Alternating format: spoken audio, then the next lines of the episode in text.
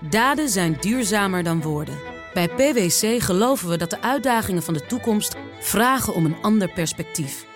Door deze uitdagingen van alle kanten te bekijken, komen we samen tot duurzame oplossingen. Zo zetten we duurzaamheidsambities om in acties die ertoe doen. Ga naar pwc.nl. BNR Nieuwsradio. BNR Bouwmeesters. Welkom bij BNR Bouwmeesters voor de bedenkers, bouwers en bewoners. De hele zomer hoor je het beste van bouwmeesters. Onderwerpen waarvan wij vinden dat je ze nog een keer moet horen. We beginnen met nutteloze bouwwerken.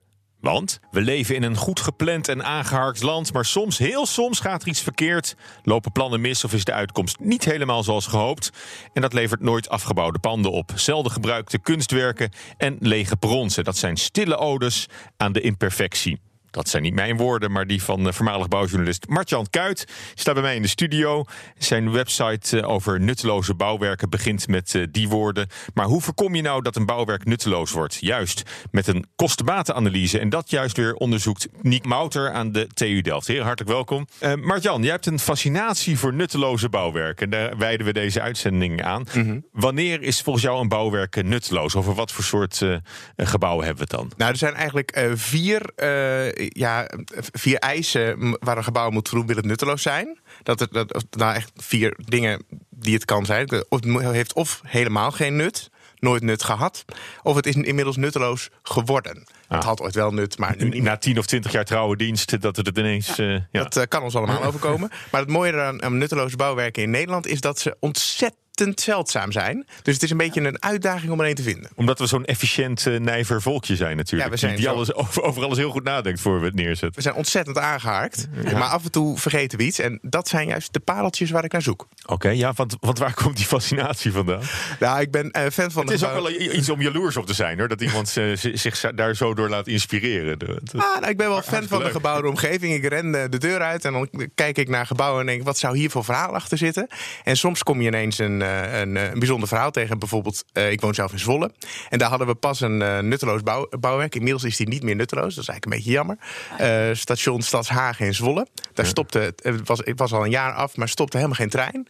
En daar ben ik naartoe gegaan. Ik dacht, ja, eens even kijken wat, hier, wat voor verhaal hier te vinden valt. Mhm. Mm. En ja, nou, er valt bijzonder weinig verhaal te vinden. Maar dat is juist misschien het interessante verhaal ja. in deze. En als het station, als het station is gebouwd, maar bijvoorbeeld als ze er dan maar een museum van maken of zo, dan, dan is het ook al niet meer nutteloos. Nee, maar dat is niet meer een rol gekregen. Ja, dan is het allemaal goed gekomen. Dat is eigenlijk jammer. Ja. Uh, de Belgische journalist Jean-Claude Defossé die introduceerde in de jaren 80 al de term Grand Travaux Inutiles, ofwel GTI's. Mm -hmm.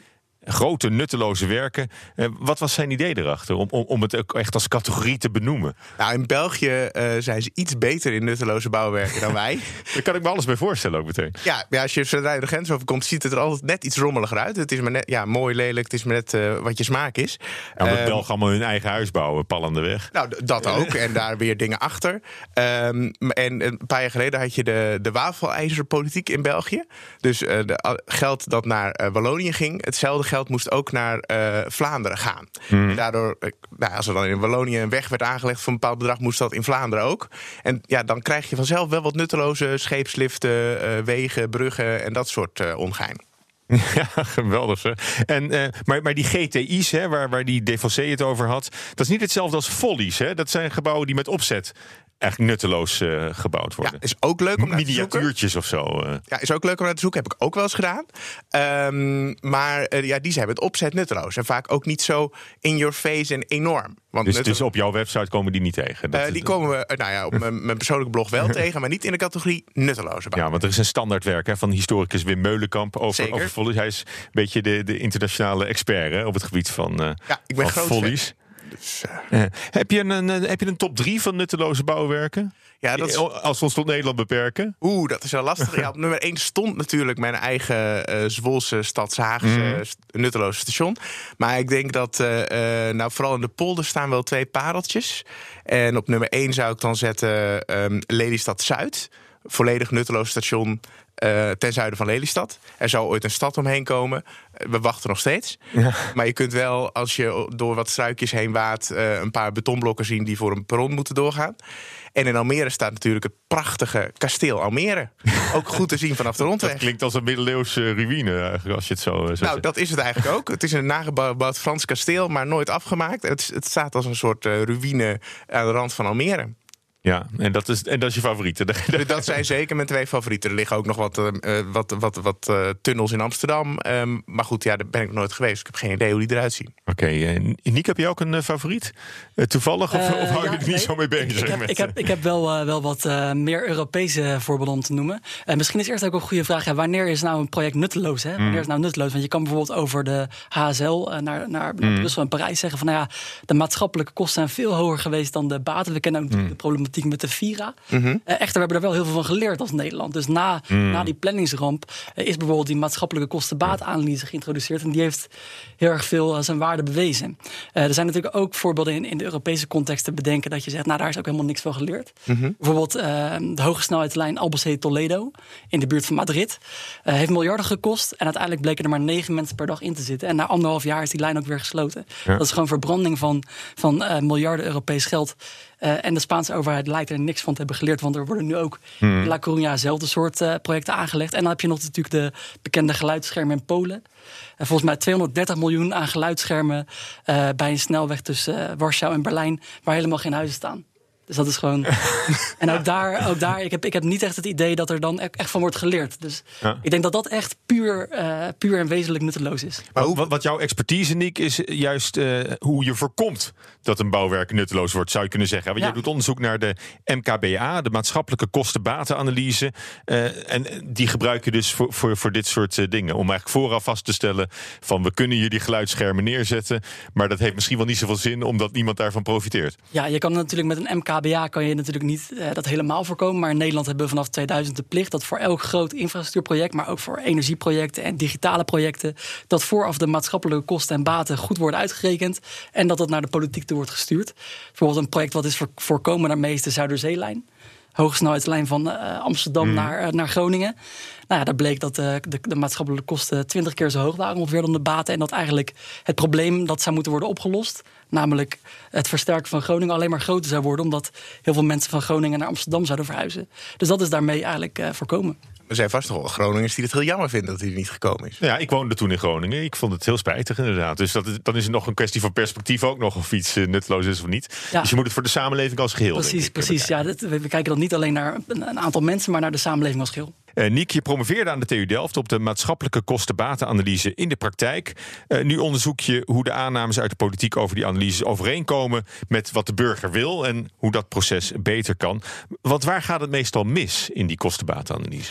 Nou ja, dat is, dat is denk ik uh, niet helemaal waar. Het gaat eigenlijk vrij goed. Ik heb ook een keer een vergelijkend onderzoek gedaan naar hoe we het in. in we hebben het toch wel goed geregeld, hè, over het algemeen. Ja, eigenlijk is het zo dat eigenlijk misschien in, alleen in Noorwegen, wat, wat er in Noorwegen heel goed gaat, is dat ze daar ook terugkijken. Dus daar doen ze dan een MKBA. En dan analyseren ze achteraf nog. Ja, en dan, kun, dan, dan kan je dus ook als overheid leren van oké, we hadden dit verwacht, maar uiteindelijk is de toekomst anders gelopen. Dan kan je van leren. Zover zijn we in Nederland nog niet, maar we zitten wel echt in de top. Uh, dingen die er beter uh, in kunnen is bijvoorbeeld um, ja, dat we ook uh, ja, misschien burgers meer kunnen betrekken bij het, bij, bij het maken van zo'n van zo'n maatschappelijke mm. kostenbaatanalyse.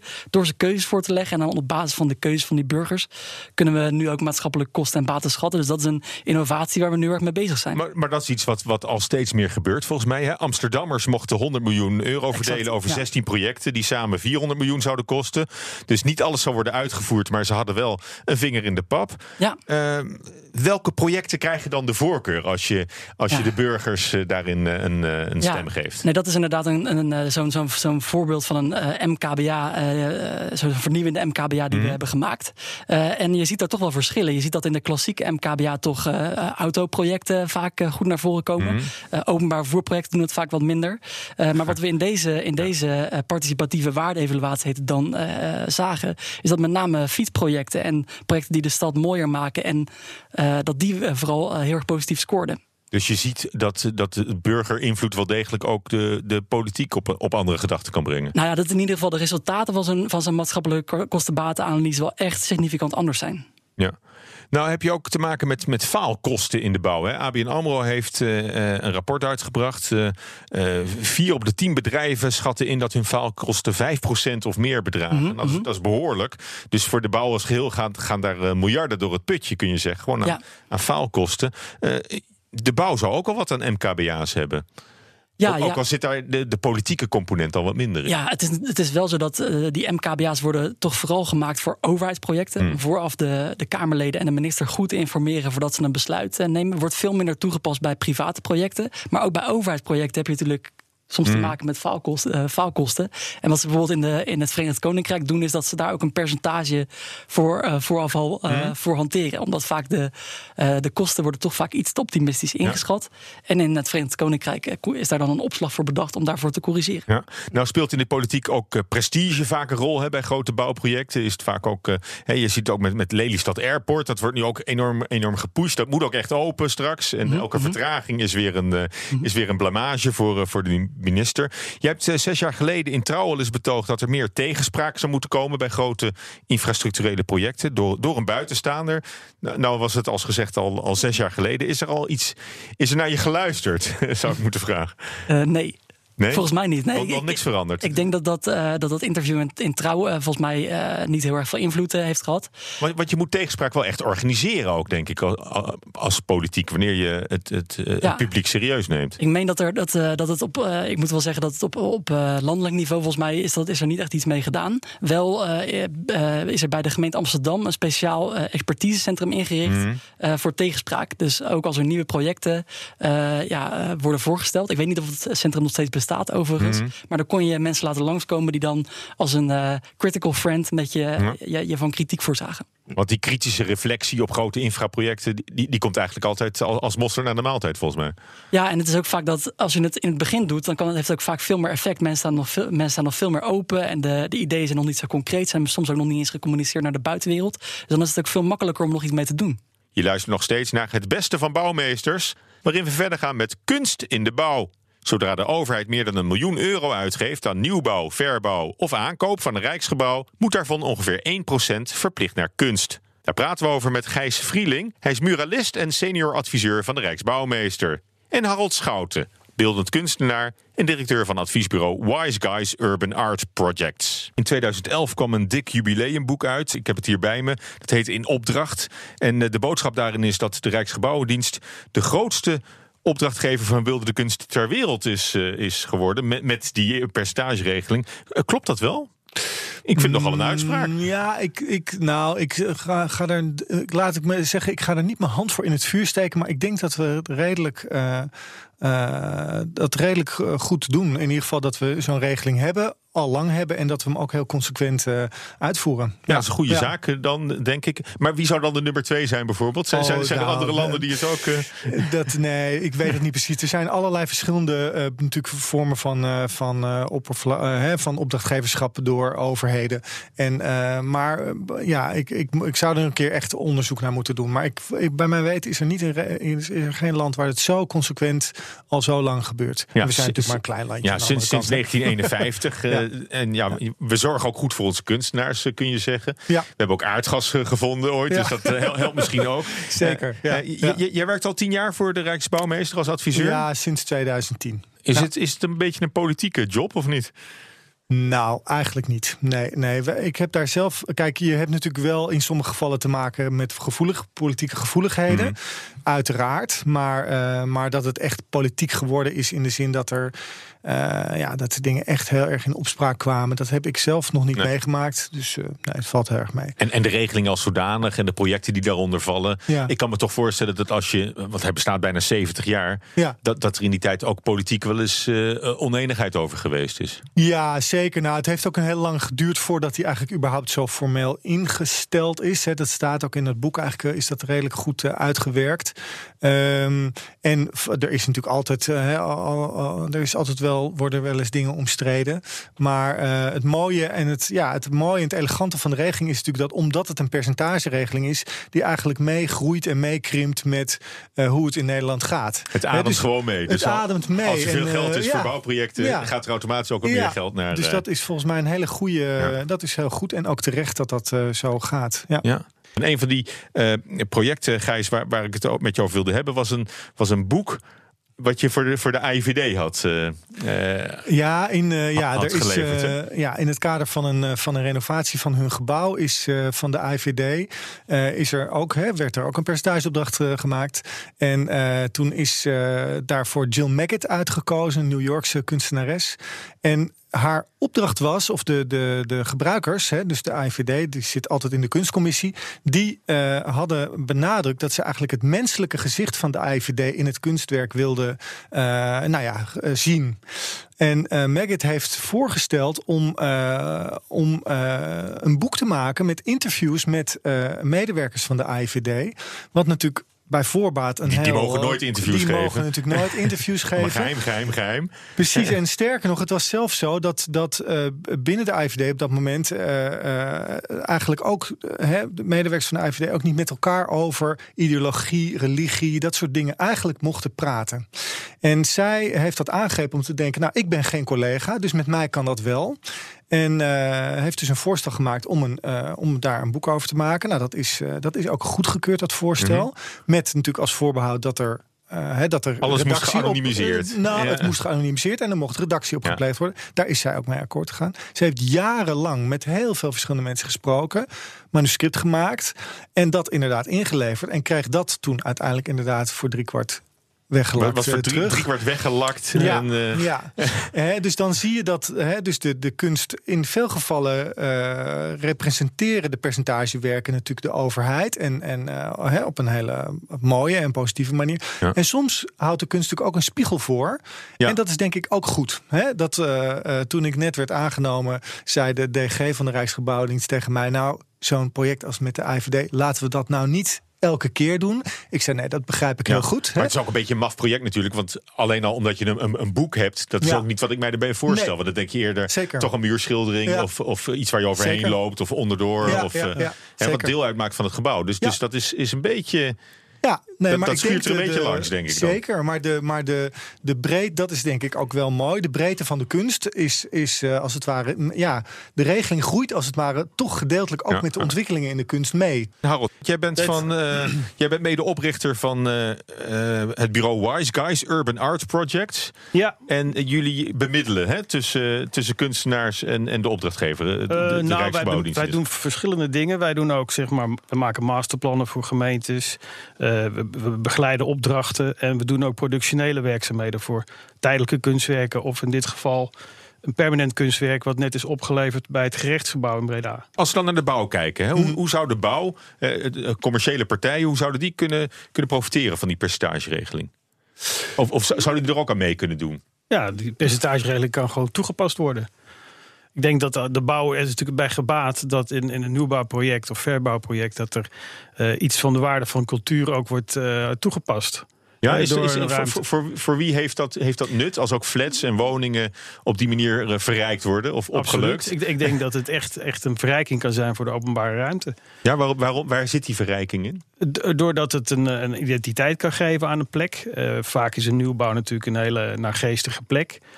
Ehm, vaak ontwikkelen we dan met al de partijen, dus de ontwikkelaars, maar eventueel ook al bewoners, als die er al bekend zijn, ontwikkelen we dan zo'n zo'n kunstvisie en eh, Mhm. gaan we kunstenaars benaderen om die dan ook.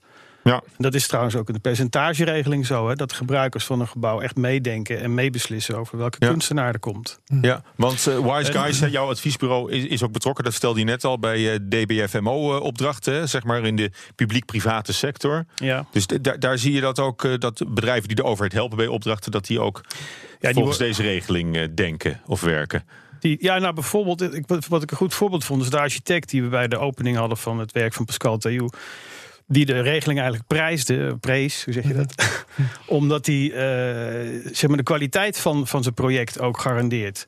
Eén, je moet binnen een bepaalde eh, tijd moet het Mm. klaar zijn. Maar eh 30 jaar lang moet het gebouw goed functioneren en goed onderhouden worden. Dus Net als die rode boom voor... eh, voor ja, die boom, maar, maar ook bijvoorbeeld in het gebouw. In dit gebouw is, is prachtige, zijn prachtige houten eh, rechtszalen gemaakt. Mhm. Heel degelijk, heel goed duurzaam materiaal. Wat eh, ja, 30 jaar lang makkelijk mee kan. Ja. Wat, wat vinden Dus ontwikkelaars in, in het algemeen van deze regeling? Hoe kijken ze daar tegenaan? Staan ze daar een beetje voor denk open? Dat, ik heb het idee dat, dat eh, nou, eigenlijk voor de crisis was het de tendens dat veel ontwikkelaars, maar ook woningbouwverenigingen, de, de, niet de regeling per se, maar kunsttoepassing in openbare ruimte steeds beter vonden en steeds effectiever vonden voor ook eh, zeg maar, de, de, de, de, sociale cohesie van zo'n wijk. Eh, mensen bleven wonen en er was Ja. heel veel eh animo Ja. om, dat te, om dat te doen. En toen kwam de crisis en toen was het ineens not done om eh, iets met kunst te willen. Iets wat allemaal duur, nutteloos allemaal is. Ja. ja. En ik denk dat dat, dat, dat nu- zogenaamde nutteloze van de kunst steeds meer ook zijn nut weer terug aan het bewijzen is. Nou ja, het geeft ook wat meer authenticiteit en identiteit aan, aan gebouwen. Hè? Ja. En helemaal als, als werken anoniemer wordt, is dat misschien ook wel iets waar, je- waar je met meer plezier eh, zou kunnen werken. Bijvoorbeeld. Ik, ik, we moeten al afsluiten. Oké. Ik, ik, Ja. zie Gijs dat je graag nog wat wil zeggen. En dat is mijn vraag aan jou. Wat hebben we uiteindelijk aan al die in opdracht gemaakte kunst? Dat is natuurlijk een opmerking die je veel hoort. Hè? Wat Ja. hebben we eraan? Ja, dat kun je natuurlijk van ontzettend veel dingen in de samenleving en in de wereld afvragen. Eh, ja. Wa- wa- wat Ehm, zeg jij dan meestal? Als, eh, Nou, eh, ja, ik denk dat het uh, dat uh, ik denk dat, dat kunst in staat is om op, een, op, een, hè, op een specifieke plek een mate van aandacht te genereren die je eigenlijk alleen door een kunstwerk kunt bewerkstelligen. Hè, ik zou maar zeggen, de hoeveelheid aandacht per kubieke meter die een kunstenaar aan een werk besteedt, ja, dat is een heel ander soort aandacht dan een bouwer aan een gebouw kan besteden. Ja, Hè, en, en, en, en, dat, geeft en het dat, een soort... dat, dat versterkt elkaar dus. Ja, dus dat geeft een soort condensatie en intensiteit. Ja. Ja. Nou, da- dank jullie wel. Ik denk dat dat, eh, ja, het moet even kort, Ja. maar eh, ik denk dat dat wel de kern, eh, de kern raakt. Dank jullie wel, Gijs Vrieling en Harold Schouten. BNR Bouwexpo. En zoals elke week staat eh, Judith Lane hier bij mij voor de Bouwexpo. En Judith, je hebt niet één gebouw, maar een hele kunstige woonwijk gevonden deze keer. Om het over Ja, te hebben. Paul. Ja, ik wil het niet eh, elke keer over mijn stad hebben, maar aangezien we het toch over Rijksgebouwen hebben, dacht ik, ik vind toch weer iets in Den Haag. Ehm, eh, Waar ben je hebben- geweest? Ik ben bij de Papaverhof geweest. Dat is geen Rijksgebouw, maar wel een Rijksmonument. Sinds 1986 trouwens. En het is een van de 100 belangrijkste monumenten van Oh. Nederland. En het is ontworpen begin jaren 20 door Jan Wils. Eh, die heeft samen met Berlage samengewerkt.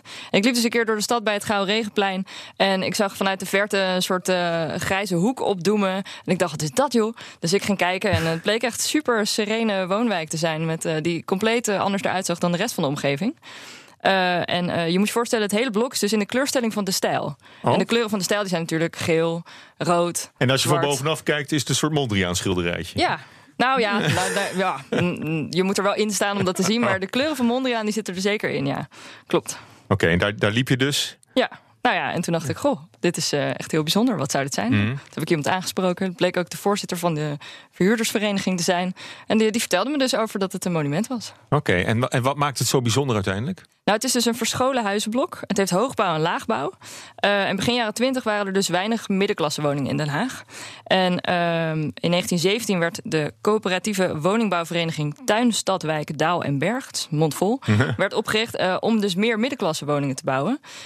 En Jan Wils, die lid was van de stijl, mocht dat gaan uitvoeren. Um, en het is het enige woningcomplex, woningcomplex dat volgens de uitgangspunten van de stijl is gebouwd. Ja, en wat je ook herkent, is wat je ook in het gemeentemuseum in Den Haag bijvoorbeeld ziet, is eigenlijk een soort lange toegang. Hè? In het gemeentemuseum is dat, is dat die hal. Ja, dat, uh, hier is het natuurlijk een stukje korter, want het blijven wel arbeiderswoningen. Maar het idee van die tunnel voor, volgens Berlage was om je hoofd leeg te maken. En dat wilden ze de arbeiders die uh, daar moesten gaan wonen eigenlijk ook helemaal leeg en, uh, Ja. en fris weer, weer Ja. thuis aan. Dankjewel, ik weet wel waar ik dit weekend mijn hoofd ga leegmaken. Heel goed, Op naar Den Haag. Dankjewel Judith. We zijn alweer aan het einde gekomen van onze speciale zomerserie met het beste van bouwmeesters. Heb je de uitzendingen gemist en wil je ze terugluisteren? Dat kan altijd via de BNR-app, bnr.nl, Spotify of iTunes. Volgende week zijn we er weer met een gloednieuw seizoen van BNR Bouwmeesters. Tot dan! BNR Bouwmeesters wordt mede mogelijk gemaakt door Bouwend Nederland. De bouw maakt het. Daden zijn duurzamer dan woorden. Bij PwC geloven we dat de uitdagingen van de toekomst vragen om een ander perspectief. Door deze uitdagingen van alle kanten te bekijken, komen we samen tot duurzame oplossingen. Zo zetten we duurzaamheidsambities om in acties die ertoe doen. Ga naar pwc.nl.